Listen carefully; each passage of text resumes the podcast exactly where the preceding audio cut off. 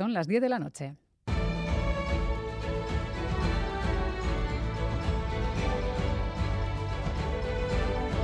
Radio Euskadi.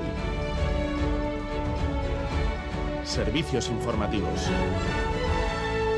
Repasamos los titulares del día con John Fernández Moore. Gabón. Gabón, Miriam, noticias de este miércoles 16 de noviembre en el que comenzamos mirando a Polonia. El misil que cae ayer en el este del país matando a dos personas, según los análisis preliminares de la OTAN, sería de las defensas aéreas ucranianas. Y no de Rusia, aunque la Alianza Atlántica ha querido dejar claro que esta situación no es culpa de Ucrania. Jens Stoltenberg, secretario general de la OTAN. This is not Ukraine's fault.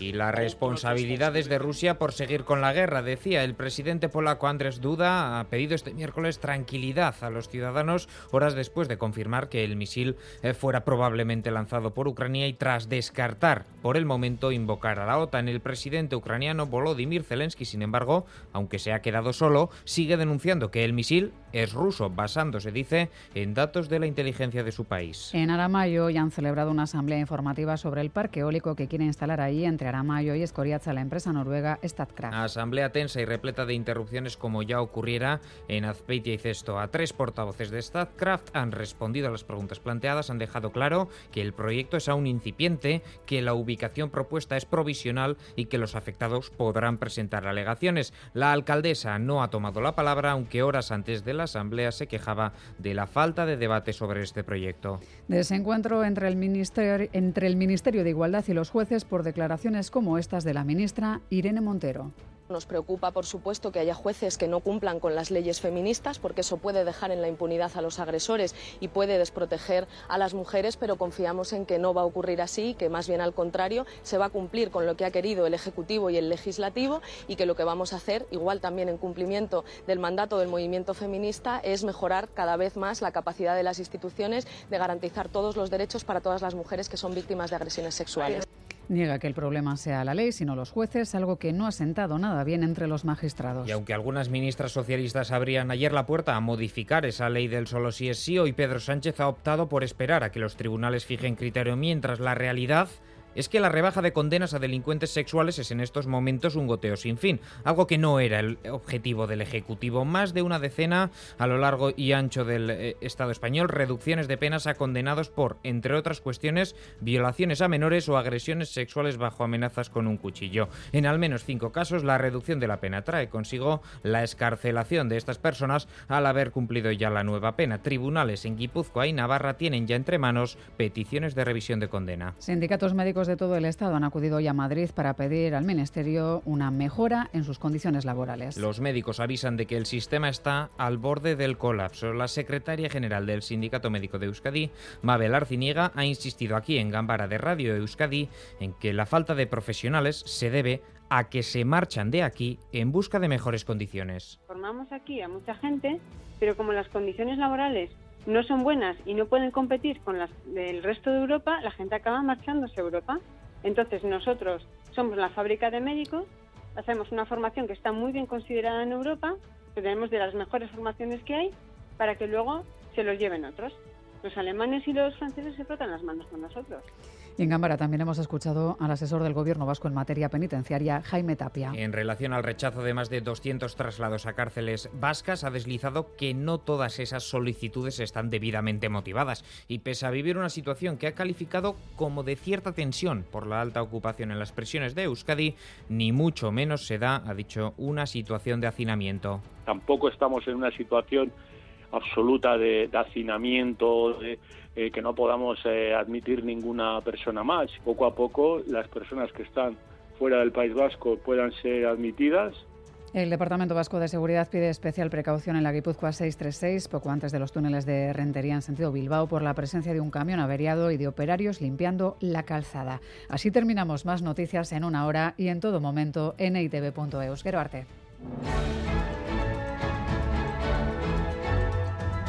EITV, tu grupo de comunicación.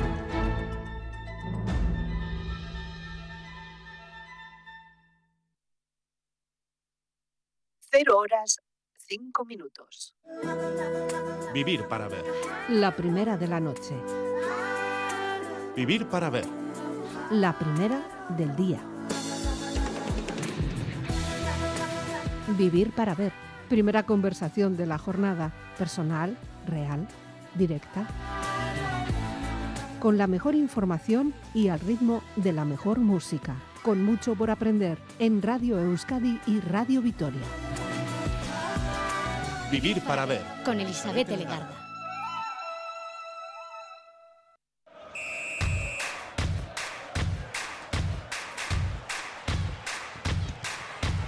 Quirol Gaua. Con Edu García e Iker Perea.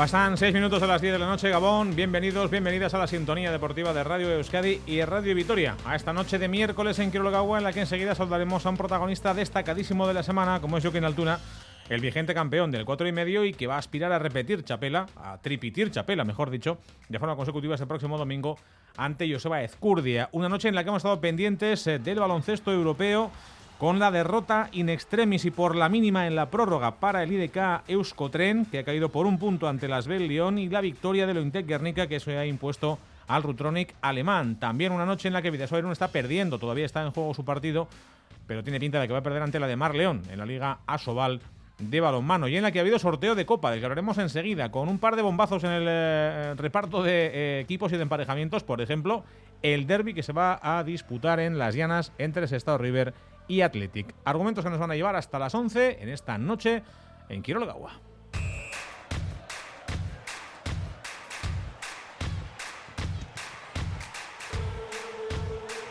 Argumentos que presentamos como cada día, como cada noche, de la mano de Iker Perea. Gabón Iker, ¿qué tal?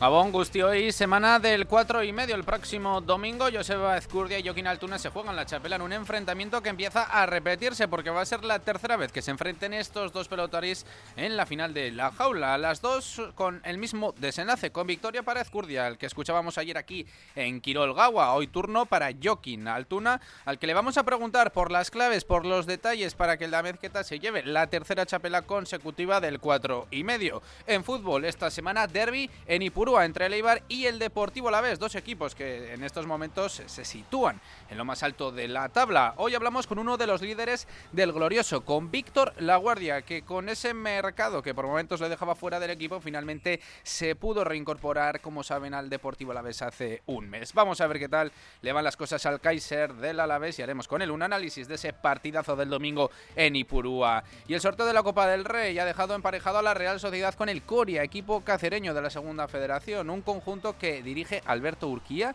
nacido en Donostia y que seguro que conoce muy bien a su próximo rival Copero. Con él vamos a hablar en unos minutos. Y hoy, miércoles, compartidos en Eurocup eh, femenina para Guernica e IDK, en Quirolgawa vamos a buscar las voces de las protagonistas. Y como siempre con la pregunta de la noche, la pregunta del día. Confecop, la Confederación de Cooperativas de Euskadi, nos ofrece este espacio. Hoy hemos conocido los rivales de nuestros equipos para la siguiente ronda de la Copa. ¿Qué os parecen esos cruces? Ese derby, por ejemplo, entre Sestao y Athletic. Os leemos como siempre en el WhatsApp de Kirol Kagua en el 688-840-840.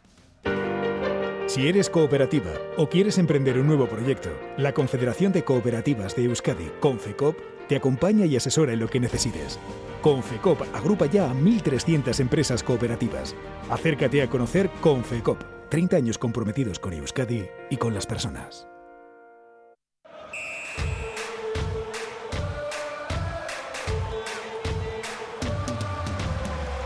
La noche deportiva en Euskadi tiene un nombre, Quirol Gawa.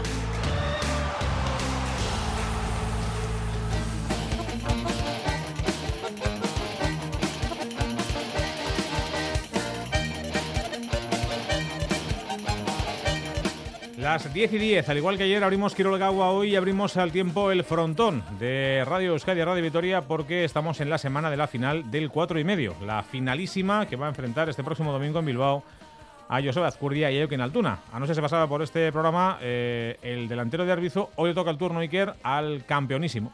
Sí, a Joaquín Altuna, el Damezqueta, que afronta su séptima final consecutiva en la modalidad del 4 y medio. Ha ganado Tres chapelas, es el vigente campeón además y vamos a ver eh, si es capaz de ganar a un Ezcurdia que le ha ganado las dos finales del cuatro y medio que han disputado entre ellos, las dos en el Navarra Arena el miércoles. Eh, eh, Joaquín Altune y el domingo, perdón, Joaquín Altune y Joseba Ezcurdia pelearán por esa final, un enfrentamiento que empieza a ser un clásico de las finales. Un clásico también es en esta casa, cuando hablamos de pelota, Miquel Bilbao. Gabón Miquel, ¿qué tal? Hola Gabón Edu. Ayer hablamos con Joseba Ezcurdia, hoy nos toca hablar con el vigente campeón, campeón además de las últimas dos ediciones, el hombre que ha dominado el cuatro y medio en estos últimos años, al menos si tenemos eh, en cuenta la presencia en las finales de forma repetida de Joaquín Altuna. Los números de Joaquín empiezan a ser históricos o por lo menos dignos de mencionar cuando hablamos con el actual campeón del acotado. Un décima final, séptima consecutiva en el cuatro y medio, a una de igualar con tres históricos. Hablo de Aymar Eugi y Juan Martí de. Tiene tres chapelas eh, de momento, lejos quedan las siete de Aymar, pero claro, con 26 años se puede pensar en que pueda saltar, porque no recuerdo el gol Sutara con siete títulos. No sé si esta final la valora más por eso de que ha sido un verano complicado. Eh, enseguida salimos de dudas preguntándole al propio protagonista, pero afronta su tercera final de la jaula ante Zcurdi. Ha perdido las dos anteriores, pero ahora es otro momento y sobre todo el cambio de escenario, se puede decir, ¿por qué no?, que no es una mala noticia para el campeón de Amezqueta. Joaquín Altuna, Gabón, ¿qué tal? Gabón. Eh, la primera te la lanzaba Miquel. Eh, después de un verano que para ti no ha sido el mejor de tu carrera probablemente, ¿afrontas esta final, una más en el cuatro y medio en tu trayectoria profesional, con un punto especial, con una motivación especial? Bueno, siempre, al final, cuando juegas cada campeonato siempre te hace especial ilusión llegar arriba y, y bueno, la verdad que siempre digo que cada campeonato es diferente y cuando llegas a a una final, pues lo que sientes siempre es diferente. Por un motivo o por otro, pues lo que sientes en ese momento es algo único y, y, la verdad que luego cuando llega un campeonato y no puedes llegar a la final, pues echas en falta, ¿no? Esas dos semanas, esa adrenalina, esa tensión y bueno, la verdad que estoy muy contento y, y la verdad que, pues bueno, con ganas de que llegue el domingo. Los que habitualmente llegáis a finales, se lo planteábamos ayer a, a Joaquín, eh, ah, perdón, a Joaquín, a, Joseba, los que habitualmente llegáis a, finales, eh, decís aquello de que hay que disfrutarla como si fuese la última porque a lo mejor es la última. Jo, pero es que luego seguís jugando finales, al final estáis siempre en esos partidos por las chapelas. Sí, bueno, pues lo que pasa es que cuando no llegas a una final o se te escapa una final o lo que sea, pues en ese momento ves eso como, pues bueno, como una oportunidad que no va a volver, ¿no? Al final cada partido es un momento único, una oportunidad y, y al final tú al final ves difícil llegar siempre siempre arriba, hay pelotarios muy buenos y, y cuesta llegar arriba, que hemos llegado en los últimos años no quiere decir que vayamos a llegar siempre y, la verdad que pues bueno lo más importante es ahora es eso no disfrutar del momento también. Una pregunta que hoy se la ha hecho a tu botillero y primo Gorka Altuna y ahora te la hago a ti Joaquín. Eh, cuando uno lleva ya 10 finales 7 de forma consecutiva cuando los torneos se agolpan uno tras otro, ¿de dónde saca Joaquín Altuna el hambre para seguir alimentando su palmarés?